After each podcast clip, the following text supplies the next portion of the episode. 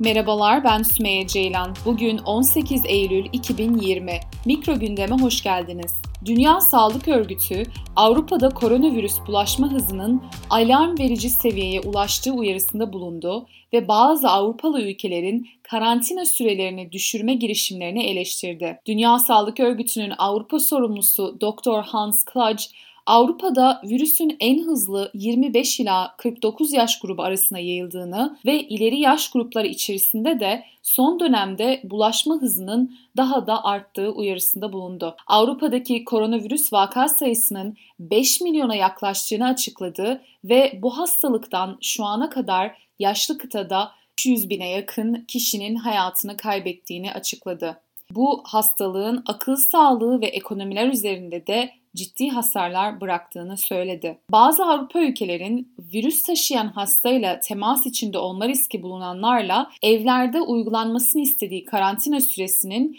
iki haftadan bir haftaya düşürme girişimlerini eleştiren Hans, karantina süresinin biraz kısaltılması bile virüsün yayılma hızında çok önemli artışlara yol açabilir dedi.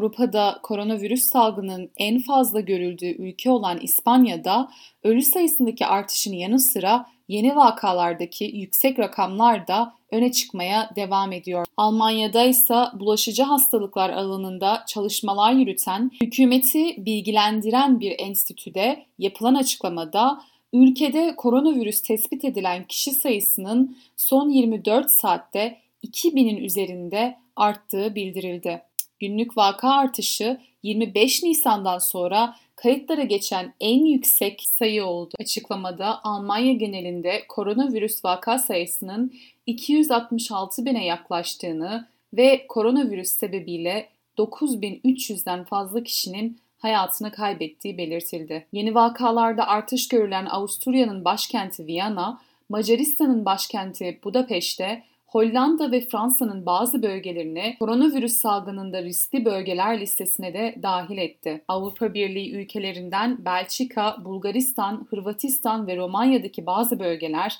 ve yine İspanya riskli bölgeler arasında yer alıyor. Riskli bölgelerden dönenler test yaptırmamaları veya negatif test sonucu bulundurmamaları durumunda 14 günlük karantinaya girmek zorunda kalıyor. Hükümet halka mümkün olduğunca riskli bölgelere seyahat etmemeleri çağrısında bulunuyor. Beni dinlediğiniz için teşekkür ederim. Bir sonraki mikro gündemde görüşmek üzere.